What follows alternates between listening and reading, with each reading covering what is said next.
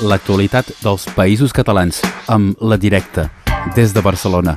La Directa, diari digital per la transformació social. A Ràdio Arels. Ara anem cap a la seu de La Directa. Parlem amb un membre de la redacció, el David Bou. Bon dia, David. Bon dia. Diverses temàtiques a tractar avui, com, com sempre. Recordem que la gent us pot trobar a directe.cat i aneu seguint, evidentment, el dia a dia de les mobilitzacions en suport al Pablo Hassel i, sobretot, les seues conseqüències. Efectivament, unes mobilitzacions que després de dues setmanes d'ençà la detenció del raper lleidatà i del seu empresonament ja han deixat eh, una, un saldo de més de 135 persones detingudes al conjunt de, del Principat. D'aquestes persones detingudes comentàvem la setmana passada que eh, una havia passat en presó preventiva, no havia estat posada en llibertat d'encàrrec, sinó que havia anat a presó preventiva, era un veí de Sants, molt conegut per, per, en aquest barri, no? amb un fort eh, teixit associatiu i veïnal. Aquest veí de Sants, després d'una intensa campanya eh, durant tota la setmana passada, finalment va quedar en llibertat eh, divendres passat, en llibertat amb càrrecs de desordres públics i eh, també amb la prohibició momentània d'assistir eh, a manifestacions i a protestes, eh, una prohibició per part de la jutgessa que serà recorreguda pel seu advocat. En paral·lel eh, es manté en presó preventiva un jove català que va ser detingut a Granada, una ciutat del sud de l'estat espanyol, d'Andalusia. Aquest jove eh, està en presó preventiva i també s'està llançant des de Reus, a, la ciutat on és originari, a, Tarragona, eh, a tocar a, al Camp de Tarragona, s'està llançant una campanya per exigir la seva llibertat i també aquest cap de setmana amb una nova mani eh, manifestació que va haver-hi al centre de Barcelona rere el lema Fins que caiguin. Al final d'aquesta manifestació eh, es van produir eh, uns incidents, uns aldarulls, entre els quals també va destacar l'atac a una furgoneta dels antiavalots de la Guàrdia Urbana de Barcelona amb material incendiari. Eh, posteriorment es van produir també trencadissos a diversos establiments eh, de grans cadenes eh, multinacionals i d'entitats bancàries al centre de Barcelona. Això va acabar amb, un, amb 13 detencions per part dels Mossos d'Esquadra, 8 de les quals han passat en presó preventiva, eh, acusats d'organització eh, eh, criminal i eh, sobretot de tentativa d'homicidi perquè la furgoneta que va ser atacada amb líquid incendiari, eh, amb líquid inflamable, disculpeu, eh, tenia un agent a, a, dintre, a dintre de la mateixa furgoneta i consideren que, que això eh, podria ser susceptible d'un delicte de tentativa d'homicidi. Per tant, a banda de pertinença a grup criminal, desordres públics i, i danys per l'intent de la crema d'aquesta furgoneta, aquestes persones han passat a, a presó preventiva sense fiança i eh, també s'està activant una campanya de suport per reclamar la seva llibertat. I la gent que ho vulgui seguir, si hi ha altres esdeveniments que, que passen, hi haurà una actualització, evidentment, a la, a la vostra web. Efectivament, estem fent seguiment. Passem al medi ambient i molt a prop de casa nostra, aquí a, a l'Empordà, amb un projecte de, de macropont. Efectivament, eh, és un projecte eh, que amenaça de dividir la plana de l'Empordà amb un macropont. És el projecte de la variant, la carretera variant de la C31, eh, que es vol construir sobretot eh, al municipi de Torroella de Montgrí, tot i que afecta altres municipis de la plana empordanesa. Eh, aquests municipis han decidit oposar-se al projecte, eh, impulsat per la Generalitat de Catalunya, pel Departament de Territori i Sostenibilitat, que de moment ha sigut el seu conseller Damià Calvet, ex-Convergència, eh, PDeCAT i ara junts. Eh, aquest, aquest projecte eh, el que implica eh, és eh, fer una construcció de dos quilòmetres de carretera que unirien l'actual vial de Verges a Torroella i el que va de la Serra de Daró a Torroella mitjançant un pont a la vall de gairebé un quilòmetre de llargada i més de 30 metres d'alçada. Això, eh, segons totes les entitats veïnals i ecologistes que s'estan mobilitzant eh, en contra del projecte, suposaria un gran impacte paisatgístic i un gran impacte també amb el medi ambient i en la pagesia de la zona, que també és coneguda tant pels cítrics com per l'arròs.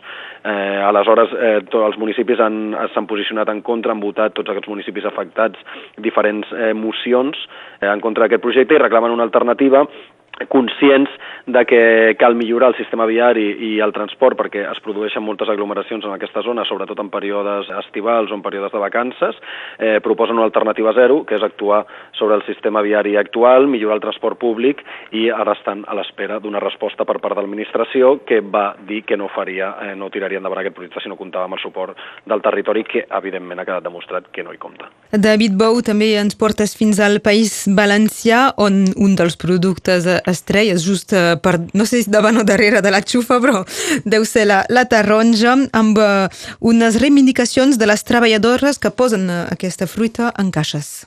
Efectivament, eh, Esther Fallos, la nostra companya del País Valencià, ha estat fent seguiment d'aquest tema des de fa mesos. Les encaixadores de taronja del País Valencià són un gremi que bàsicament està format per dones.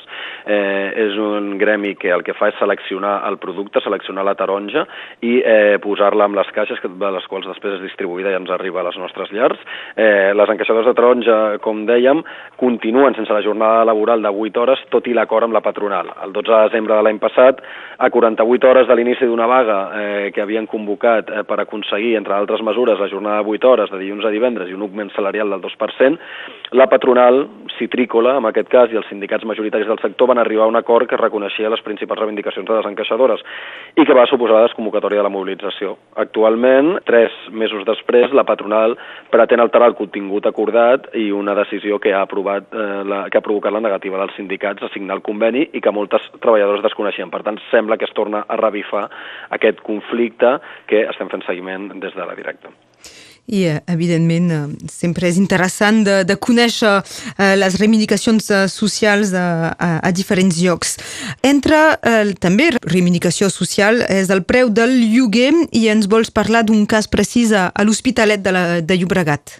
Sí, efectivament, ja sabeu que actualment el Principat, bueno, també al País Valencià i a les Illes, és a dir, a les parts de, dels països catalans sota administració espanyola, hi ha un problema eh, social molt greu amb el tema de l'habitatge, bàsicament aquest eh, problema social, que òbviament també existeix a la, a la Catalunya Nord, està sent aquí eh, un, impulsat pels sindicats d'habitatge i posat a l'agenda política i mediàtica. En aquest cas us portem el cas d'una seixantena de veïnes que denuncien clàusules abusives en els contractes de lloguer protegit amb Fundació La Caixa. La Fundació La Caixa és una fundació vinculada a CaixaBank, un dels principals bancs del país, i en aquest cas dos blocs de l'Hospital de Llobregat que van ser qualificats de protecció oficial a 25 anys l'any 2010, és a dir, que haurien de ser de protecció oficial fins a 2035, el veïnat que va entrar a viure en aquests blocs denuncia problemes de manteniment des del principi i un seguit de càrregues econòmiques que són abusives des del seu punt de vista, eh, una garantia addicional a la fiança, el pagament de despeses i tributs, i a més la Fundació Bancària ha fet desaparèixer l'opció de compra que hi havia en aquests contractes i ha incrementat el llindar d'ingressos, és a dir, el mínim per accedir als habitatges. No? El sindicat de llogateres de l'Hospitalet de Llobregat, que com bé sabeu és una, és una població eh, limítrof amb, amb, amb Barcelona, amb la capital de, de, del Principat, reclamen una negociació col·lectiva i estan fent front comú per intentar fer seure Fundació La Caixa i negociar eh, totes aquestes clàusules eh, abusives que ells han anat eh, aplicant durant els últims mesos. Acabarem en clau internacional amb la situació preocupant d'un pres comunista a Grècia. Efectivament, aquesta setmana hem revifat una mica de secció internacional, hem publicat diversos temes. Eh, un d'ells és sobre un pres eh, grec, Dimitris Kofontines, que està condemnat per terrorisme fruit de la seva pertinència a l'Organització Comunista Armada 17 de novembre a Grècia i porta en vaga de fam des del 8 de gener. En vaga de fam des del 8 de gener, el que suma en vaga de 7 des del passat 21 de febrer. Kofontines té 63 anys i és un pres grec acusat de terrorisme. Durant el seu temps a la presó ha participat activament de diverses lluites per millorar, per millorar les condicions de vida de les presons gregues i després de que el nou govern de Nova Democràcia de la dreta conservadora aprovés una nova llei que empitjora les condicions de les presoneres acusades de terrorisme, va decidir començar una vegada fam que ha topat amb la negativa del govern a acceptar les seves demandes, que bàsicament són que pugui complir eh, la seva pena de cadena perpètua en les mateixes condicions que la resta de presos. Eh, actualment eh, les condicions de l'estat de salut de Cofontines després de gairebé dos mesos en vaga de fam eh, són molt dolentes. Eh, els metges apunten que hi ha constants vitals, òrgans vitals que ja no tornaran a funcionar com funcionaven abans. Eh, sabia, el govern grec havia demanat que se l'alimentés forçosament, però el sindicat de metges de Grècia ha declinat aquesta, aquesta opció per, perquè la, segons la, la mateixa ONU és una opció, o sigui, és, és una opció que, que implica no, la tortura, l'alimentació forçosa es considera tortura per l'Organització de les Nacions Unides, aleshores el sindicat de metges grecs ha, ha denegat aquesta opció i actualment ens trobem amb que en qualsevol moment podria haver-hi una, un, una malaurada notícia sobre, sobre, sobre aquest pres grec que està portant no, les seves reivindicacions fins, a, fins al final. Si en voleu saber més d'aquest tema o de qualsevol altre dels quals hem parlat i d'alguns altres que no hem tingut temps de parlar-ne, la cita és a directe.cat. Avui ens n'ha informat el David Bou. Moltes gràcies, David. Moltes gràcies, com sempre, a vosaltres. Fins molt aviat. Adeu. Fins aviat. L'actualitat dels països catalans amb La Directa, des de Barcelona. La Directa, diari digital per la transformació social.